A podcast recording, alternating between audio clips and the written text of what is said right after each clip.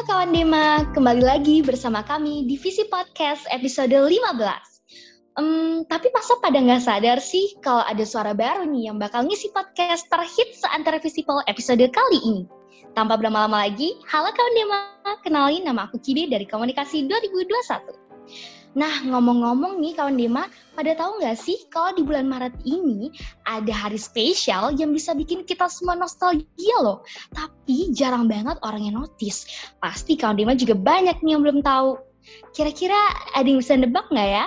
Episode kali ini bakal ngulik tentang apa? Kasihin aja kali ya. Pokoknya berbanding 180 derajat sama bahasan episode yang lalu dan pastinya bikin nostalgia nih. Plus di sini kita juga akan menghadirkan guest star kondang dari ada yang tahu? Nah, daripada makin penasaran, langsung aja nih.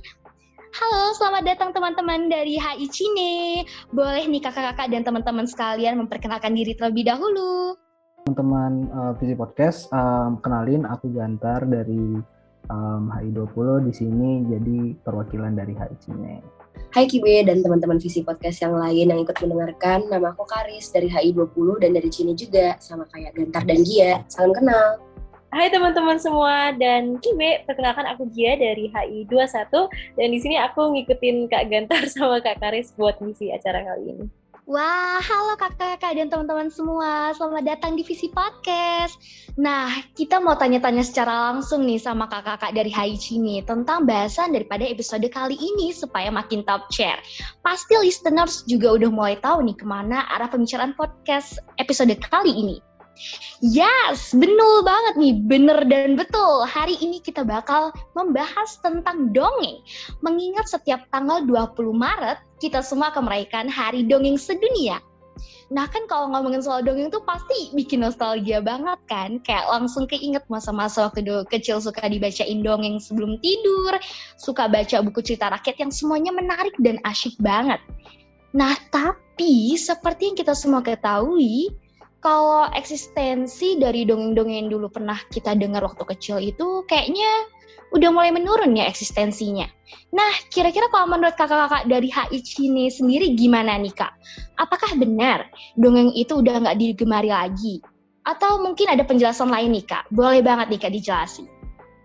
Hmm, kurang lebih kalau kita lihat di uh, bentuk dongeng yang konvensional yang kita tahu, yang kayak tadi kamu aja baru bilang kayak kita tidur ceritain dongeng, mungkin benar sih kayak uh, agak kurang. Soalnya jujur kayak aku sendiri ngeliatnya ya emang nggak ada lagi ya eksistensinya kayak uh, memang menurun dan menurun. Akan tetapi uh, bukan berarti dongeng itu emang udah hilang dan mungkin nanti Kak Karis dan Kak Gantar bisa jelasin lebih lanjut tentang ini.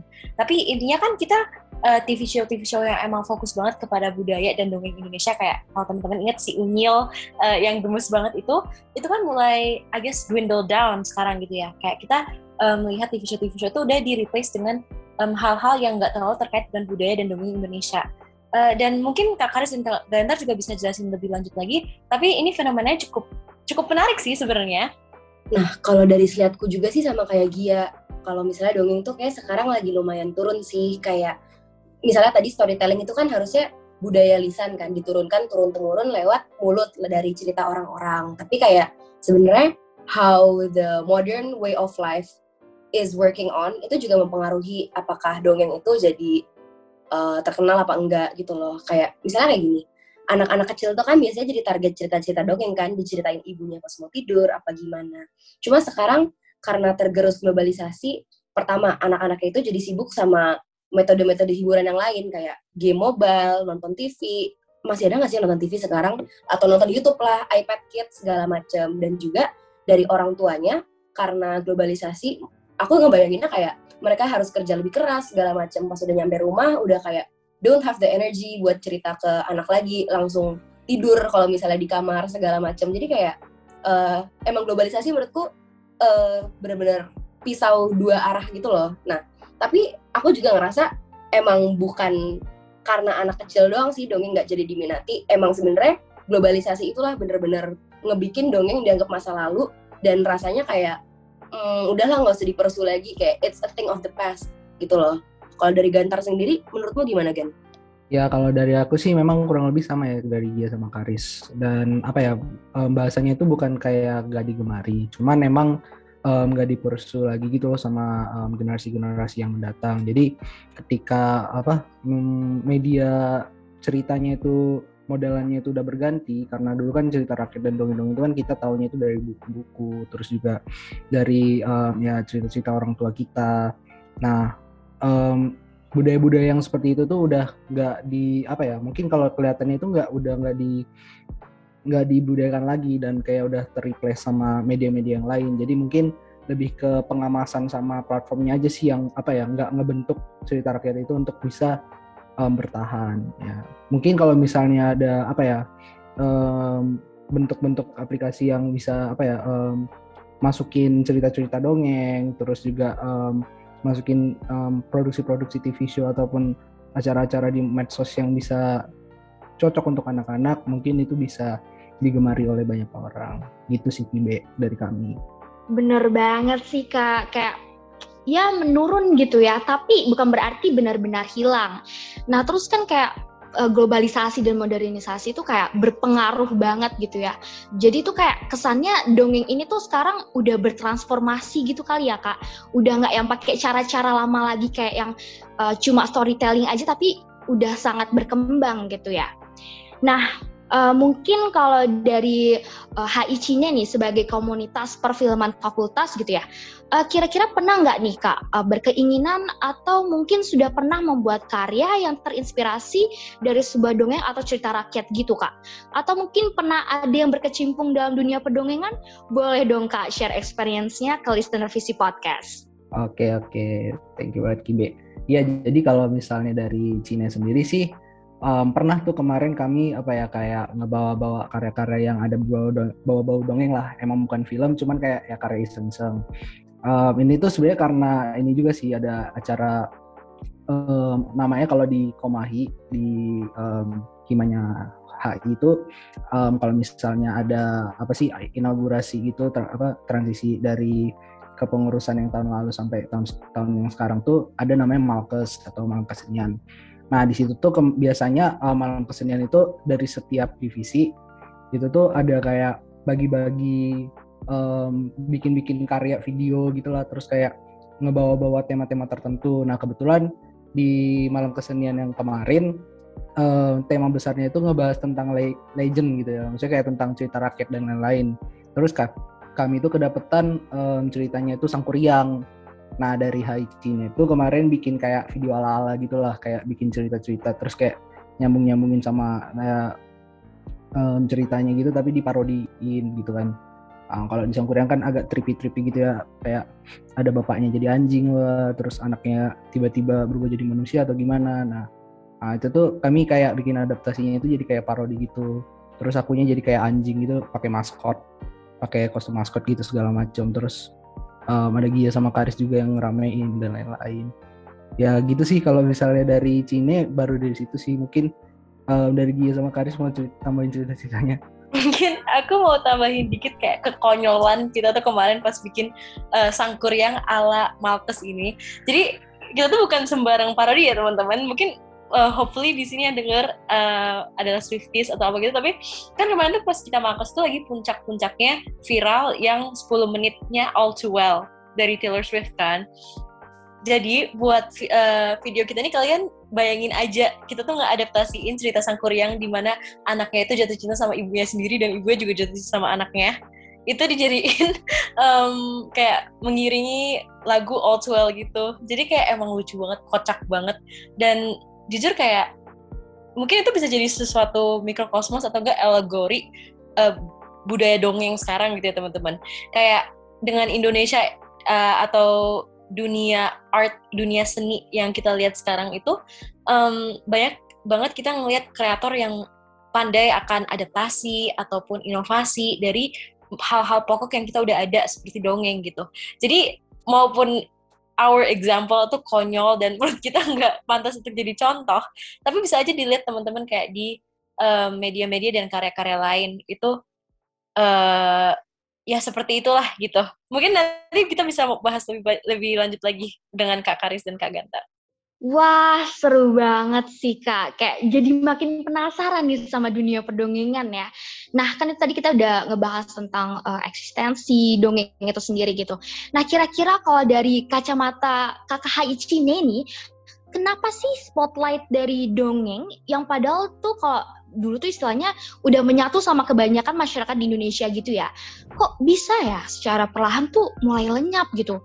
Kayak nggak cuma itu tapi dongeng maupun cerita rakyat uh, seperti itu tuh sudah nggak dapat panggung lagi kayaknya ya di Indonesia. Atau kalau dari uh, sudut uh, pandang kakak-kakak semua nih gimana nih Kak menanggapi isu ini Kak? Faktor apa nih kira-kira yang membuat fenomena ini bisa terjadi dan kenapa ya peminat dongeng di masa sekarang ini kayaknya makin lama ya semakin nurun gitu. Mungkin dari kakak-kakak bisa nih Kak utarakan pendapatnya aku izin masuk buat pertanyaan yang ini ya. Kalau misalnya menurutku sih uh, masyarakat dan kebiasaan mereka dalam mengkonsumsi budaya dan produk budaya populer itu juga memainkan peran. Kenapa akhirnya peminat dongeng itu makin lama bisa makin turun gitu. Uh, selihatku sekarang ini industri itu lebih banyak cater ke demografi remaja dibandingin ke demografi anak-anak gitu. Karena sebenarnya demografi anak kecil di seluruh dunia tuh banyak kan. Nah, aku juga mau kembali lagi ke yang tadi aku sempat bilang soal masalah budaya dan segala macem. Kalau misalnya dengar kata dongeng itu pasti yang pertama terlintas di kepala kita ngeasosiasiinnya sama hal-hal yang kayak bocil, kuno, cerita nenek-nenek segala macem kayak a thing of the past gitu loh. Nah, di era globalisasi sekarang di mana kita ngerasa semua yang makin maju dan makin modern itu lebih keren, ya jadinya kan dongeng dan segala macam yang kita anggap a thing of the past itu sedikit-sedikit mulai tergerus gitu loh aku bukan pesimis, dongeng nggak akan bisa digemari lagi. Tapi menurutku, buat ngembaliin masa jaya dongeng, kita tuh emang harus ngembaliin apresiasi masyarakat terhadap budaya gitu loh. Salah satunya adalah apresiasi kita terhadap cerita-cerita dongeng yang emang sebenarnya itu produk budaya kita yang turun-menurun. Bener banget sih kak, eh, setuju sih aku. Nah mungkin kalau dari uh, kakak-kakak yang lain mungkin ada yang mau nambahin nih jawabannya dari kak Karis? Boleh boleh Kibe. Ya jadi kalau dari aku sih apa ya setuju banget ya sama Karis tadi ya. Um, gak cuman kayak masalah tentang um, gimana apa ya demografi dan juga segmennya itu udah difokusin gak ke anak-anak. Um, apa ya yang bisa dilihat juga uh, bentuk pengemasan dari uh, cerita-cerita rakyat sama apa ya kayak ya kultur-kultur lokal yang ada di Indonesia tuh udah bisa dibilang kayak usang atau outdated gitu kan um, jadi ya itu juga yang kayak istilahnya jadi faktor kenapa apa ya orang-orang tuh jadi kayak nggak pada minat lagi sama cerita rakyat. Karena um, istilahnya ceritanya ya udah konstan di situ aja. Dengan apa ya udah kayak um, alurnya yang sama terus juga um, pasti nanti terakhirnya juga udah moral story. Jadi kayak kesannya itu monoton. Nah mungkin kalau untuk apa ya supaya bisa membangkitkan minat lagi dongeng ataupun cerita rakyat ini kan sebenarnya apa ya gak nggak harus sesuai nggak harus sesuai dengan yang aslinya gitu kan. Dan um, dia tuh bisa di recycle dibentuk-bentuk ulang dimodifikasi. Supaya apa ya istilahnya ceritanya itu bisa relevan sama zaman sekarang juga gitu. Berkaca sama film-film Disney kan mereka sering banget nge-remake juga gitu ya. Dan apa um, kalau misalnya kayak dulu film-film um, kartunnya itu dulu apa ya kayak ya udah um, kontennya itu emang agak kuno terus bisa di remake lagi sama uh, produksi Disney itu dengan apa ya saya ditambah-tambahin moral value yang cocok sama masyarakat sekarang gitu. Jadi mungkin um, ini tuh berlaku juga ke cerita-cerita rakyat yang ada di Indonesia. Kalau misalnya ditambah-tambahin nilai-nilai yang baru mungkin orang-orang jadi pada apa ya relate sama cerita rakyatnya itu juga. Itu sih. Mungkin kalau aku mau nambahin dikit dari sisi spektrum berbeda untuk faktornya tersebut, kita juga bisa lihat sih kayak ya maupun emang ada kurangnya minatnya anak, jadi kayak uh, medium-medium yang kita lihat dulu tuh udah nggak ada lagi gitu ya. Justru aku lihat malah ada intensifikasi uh, budaya Indonesia tuh di identitas pembangun kultur modern Indonesia. Jadi kayak coba kita lihat musisi-musisi uh, sekarang ataupun uh, dunia perfilman sekarang dan ataupun kita bisa lihat ke dunia Kim sih kan di kalau nggak salah di band Panturas itu mereka ada lagu nih ya yang bercerita tentang Niroro Kidul. Nah at the same time uh, game yang lagi viral ya emang viral terus sih Mobile Legends ML itu juga ngeluarin um, karakter yang berbasisnya Niroro Kidul dan juga uh, figuran-figuran besar mitologi Indonesia yang lain gitu loh. Jadi bukan uh, identitas Indonesia di, di, di sisi perdongengan tuh hilang di uh, seniman-seniman sekarang ataupun kreator konten kreator sekarang bahkan menurut aku kita lebih lihat kayak intensifikasi hal tersebut di uh, karya-karya mereka. Jadi kita tuh bisa lihat itu di berbagai medium-medium yang dulunya mungkin kita nggak bisa membayangkan itu ada gitu loh. Kayak di mana dulu tuh kan kita ngeliatnya di sekedar TV show ataupun film buat anak-anak sekarang kita bisa melihatnya di game di musik dan lain sebagainya. Kalau dari kak Karis gimana nih kak Nah tadi aku ngerasa yang Gia sampein sebenarnya a good idea banget sih, apalagi sebenarnya kayak dongeng itu kan banyak kurangnya dia targetnya ke anak kecil kan. Nah terus aku juga ngerasa sebenarnya yang aku sadar adalah anak kecil tuh suka banget ngikutin orang dewasa. Uh, I think it's a psychological fact juga ya, kayak maksudnya apa yang dilakuin sama orang dewasa, anak kecil look up to them dan kayak they want to be them gitu loh. Kayak misalnya nih aku ngambil contoh Euphoria, dia ngehits di kalangan umur 17 sampai 23 ke atas jadinya adik-adik umur 15 ke bawah tuh juga pada mau ngikutin kan. Nah, kayak makanya aku juga ngerasa oke okay sih sebenarnya kalau misalnya dongeng one day bisa kembali resurrect dalam kehidupan berbudaya kita itu harus dikepalain bukan cuma sama anak-anak gitu loh, tapi juga harus dikepalain sama orang dewasa dan kayak apresiasi terhadap budaya sih itu yang paling penting sebenarnya Be. Wah, bener banget sih Kak. Jadi tuh kayak lebih uh, berinovasi dan berkembang lagi ya. Dan gak hanya untuk uh, usia-usia anak-anak aja gitu, tapi bisa mencakup seluruh usia gitu ya kalau bisa ya. Jadi itu semakin berkembang gitu. Dan pastinya kan dengan uh, banyaknya platform-platform yang sekarang bisa dipakai gitu kan, jadi memudahkan lagi gitu, gitu ya untuk uh, berinovasi ke depannya gitu. Menarik sih Kak, ini kita kalau ngomongin ide-ide kayak gitu tuh jadi kayak wah ternyata banyak banget ya yang bisa dikembangin gitu. Padahal yang uh, kayaknya kelihatannya udah kuno tapi ternyata tuh bisa di remake lagi menjadi yang sesuatu hal yang baru gitu. Wah seru banget sih kalau bahas tentang ini. Nah kan uh, itu tadi udah terjawab tuh ya kak uh, untuk pertanyaan yang sebelumnya. Nah sekarang kita mau tanya lagi nih kak kalau dari kakak-kakak HI Cine yang hadir di sini gitu, ada nggak sih kak uh, yang mungkin pernah menulis skrip yang terinspirasi dari dongeng atau cerita rakyat Indonesia? Boleh nih kak sharing experience-nya. Hmm, kalau untuk apa experience ya untuk nulis skrip yang apa spesifik untuk dongeng atau cerita, jujur belum pernah sih. Dan apa ya sebenarnya um, ya itulah kan buktinya kayak dari kita juga mungkin belum terlalu banyak apa ya kayak tahu menau tentang um, kedalaman dari um, cerita rakyat atau dongeng yang ada di Indonesia gitu. Tapi apa ya itu bisa jadi ide yang menarik sih untuk apa ya um, dijadikan ide untuk buat film. Terus mungkin itu nanti dari cerita-cerita rakyat yang ada tuh bisa dicari pendekatan-pendekatan baru sih yang apa ya istilahnya bisa ngebangkitin lagi folklore-folklore Indo yang ada di uh, ya di Indonesia gitu um, lewat medium film. Mungkin dari dia ada mau nambahin? Aku setuju banget sama Kak Gantar dan sekarang tuh kan kita uh, lihat-lihat banyak nih uh, di dunia perfilman yang mau ngulik-ngulik um, budaya Indo dan I guess um, cerita-cerita rakyat Indo kayak misalkan uh, Gundala itu maupun bukan cerita rakyat sih, tapi kan unsur kebudayaan itu ada banget. Dan kemarin tuh baru aja mereka ada film yang baru tuh yang oleh Joko Anwar.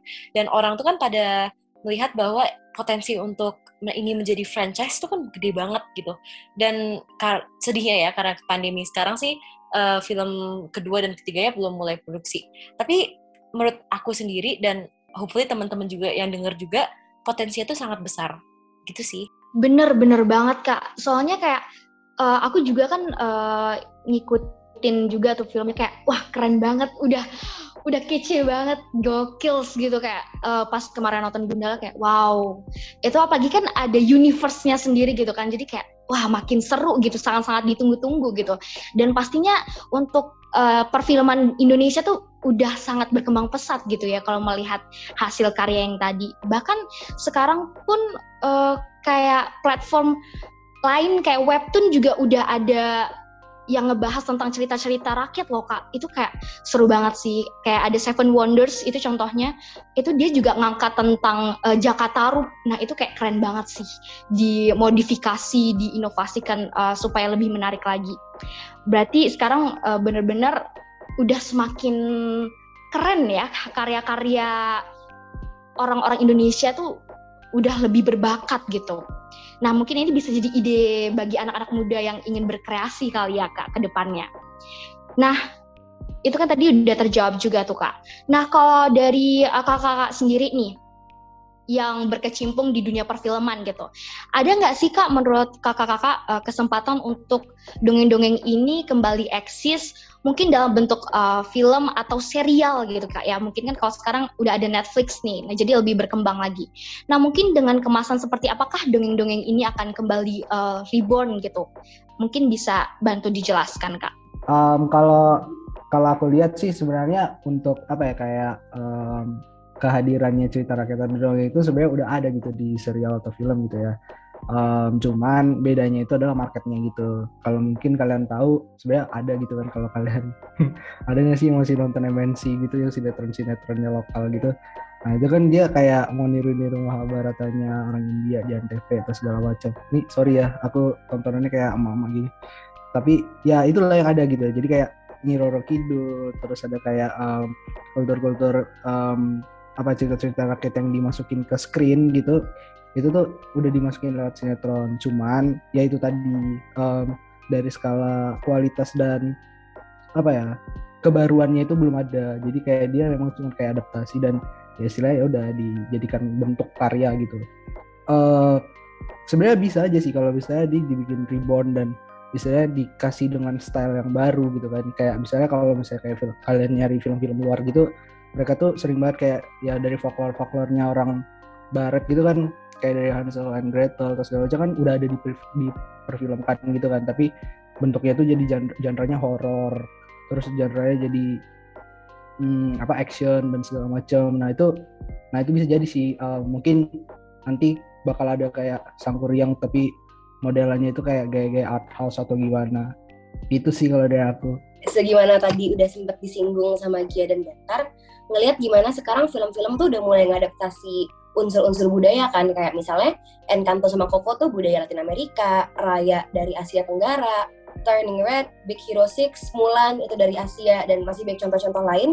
Meskipun film-film yang tadi aku sebut bukan exactly adaptasi dongeng, tapi sebenarnya aku rasa itu good step sih buat bikin orang mulai kembali mengapresiasi identitas budaya yang mereka punya. And how does this relate to dongeng gitu loh? Dongeng itu kan sebagai produk budaya nggak akan hidup kalau misalnya apresiasi terhadap budaya nggak ada. Nah, at least dengan orang-orang, anak-anak itu mulai mengapresiasi budaya, mereka mulai tuh nyari tahu uh, produk-produk budaya yang lain ada apa aja. Misalnya salah satunya dongeng gitu. Dan semoga dengan kayak gitu bisa kembali eksis deh cerita dongeng yang akhirnya nanti bisa diangkat dalam bentuk-bentuk yang lebih inovatif kayak webtoon, film, novel. Sebenarnya the possibilities are endless gitu loh. It's a matter of siapa yang mau mengeksiskannya kembali gitu. Kalau seingat aku tuh dulu malah ini ada namanya Galeri Indonesia Kaya itu mereka bikin inisiatif kan musikal di rumah aja. Aku kalau misalnya bilang Indonesia Kaya belum tentu orang tahu. Tapi kalau aku bilang di TikTok soundnya sempet rame yang bajunya begitu lusuh. Itu kan sebenarnya dari cerita Malin Kundang kan. Nah, sebenarnya dari hal-hal kayak gitu aja tuh kayak kita bisa kembali menghidupkan apresiasi kita terhadap budaya. Gitu sih, Be. Setuju juga kak, bener kak, menarik banget ya kalau sekarang ini tuh kita jadi uh, seharusnya lebih mudah ya untuk melestarikannya gitu ya. Jadi nggak ada alasan lagi nih kalau misalkan setelah uh, kita ngomongin ini dongeng seharusnya eksistensinya yang jadi lebih naik malah kita uh, kurang minat tuh seharusnya salah banget ya. Seharusnya dengan adanya banyaknya platform yang beredar sekarang tuh bisa membangkitkan semangat kita untuk melestarikan dongeng ya seharusnya uh, ini menarik banget sih. Perbincangan kali ini tuh jadi bikin kita tuh jadi lebih sadar gitu ya bahwa penting juga ya ternyata kita tuh untuk mengapresiasi uh, dongeng khususnya yang mungkin kelihatannya sepele tapi ternyata tuh berharga banget gitu. Dan kita juga sebagai generasi penerus harusnya uh, bisa menjadi tanggung jawab baru gitu untuk melestarikannya gitu ya supaya tidak hilang setuju banget sama kakak tadi bahwa ini tuh uh, bisa jadi langkah yang bagus ke depannya. Nah, last question banget nih kak. Kalau dari kakak-kakak HIC ini sendiri nih kak, uh, apakah ada niatan nih untuk memproduksi film yang terinspirasi dari dongeng-dongeng asal Indonesia? Mungkin boleh nih kak share sedikit ke listeners podcast kita. Siapa tahu ada yang tertarik nih kak untuk join dan berkolaborasi bersama teman-teman HIC ini, boleh nih kak dibagi uh, pendapatnya. Oke okay, oke. Okay. Ya kalau dari hajinya sendiri um, memang kalau untuk apa kayak istilah produksi film dan lain-lain itu kita apa ya istilahnya um, lebih ke menghimpun ide sama menghimpun apa ya kayak teman-teman supaya apa ya mereka-mereka um, yang suka film untuk apa ya istilahnya kayak diskusi dan juga mengadakan screening sih kalau untuk kayak untuk produksi dan lain-lain tuh kita lebih ke di level konten gitu. Jadi kalau misalnya untuk sekarang mungkin um, untuk apa ya, kayak produksi film kayak mungkin sebesar film pendek itu um, kami masuknya ke platform yang lebih um, gampang dicerna gitu sekarang. Jadi kayak lewat Instagram nanti mungkin bisa dari konten-konten ini IGTV yang apa sih saya berada singkat-singkat. Tapi tetap kayak all about films gitu kan nah kalau misalnya emang apa ya kalau untuk kayak um, mau menjadikan inspirasi dongeng itu ke dalam suatu bentuk produk um, apa ya um, tayangan gambar bergerak ya atau bisa dibilang film um, sebenarnya bisa banget sih menarik banget sih untuk bisa dijadikan uh, inspirasi inspirasi apa ya konten yang bisa dimasukin dari sini sendiri gitu ya. Um, jadi sekalian promosi aja kali ya. Jadi kalau di Cina itu nanti juga um, rencananya itu bakal banyak ada kayak konten-konten video yang kami sebut tuh minutes gitu. Jadi kayak sinema dalam um, berapa menit gitu ya di dan kontennya itu bentuknya IGTV nah itu apa ya kalau dari kami sih itu bisa aja sih kalau misalnya apa ya pengemasan konsep dan juga um, eksekusinya itu cocok gitu. Um, monggo-monggo aja sih dan itu tuh bisa jadi apa ya kayak kalau untuk dalam komunitas film yang lebih luas tuh bisa jadi pemantik untuk apa ya nambahin variasi baru gitu di uh, kaca-kaca sineas-sineas um, di sekitar. Oke, itu dia ya kak. Berarti uh, mungkin bisa dimulai dari konten-konten yang uh, lebih sederhana dulu ya kak sebelum ke film. Pastinya kita nunggu-nunggu banget sih kak konten-konten menarik lainnya dari HI Cine dan semoga uh, HI Cine juga uh, lebih berkembang lagi dan konten-kontennya bisa semakin menarik peminat. Tentunya kita akan mendukung banget sih kak. Nah, itu dia uh, perbincangan kita pada episode kali ini. Yang pastinya kalau dibilang dongeng itu benar-benar menghilang, enggak. Tapi memang eksistensinya menurun. Tapi sebenarnya kita tuh bisa melestarikan dongeng kembali nih. Tentunya dengan banyaknya uh, inovasi dan uh, kreativitas yang bisa memperbarui dongeng itu sendiri. Dan pastinya nanti kancah uh, targetnya itu tidak hanya anak-anak saja tapi bisa ke seluruh usia gitu teman-teman. Nah itu aja terima kasih banget nih uh, dari kakak-kakak dan teman-teman semua dari HI Cina yang udah mau hadir bersama kita di sini ngebahas dan ngulik lebih dalam tentang dunia perdongengan yang pastinya seru banget nih episode kali ini. Dan semoga perbincangan kita hari ini bisa bermanfaat bagi listeners dan dapat mengembalikan secara perlahan eksistensi daripada dongeng-dongeng yang menakjubkan ini. Kami pamit undur diri dan sampai jumpa lagi di Divisi Podcast episode selanjutnya.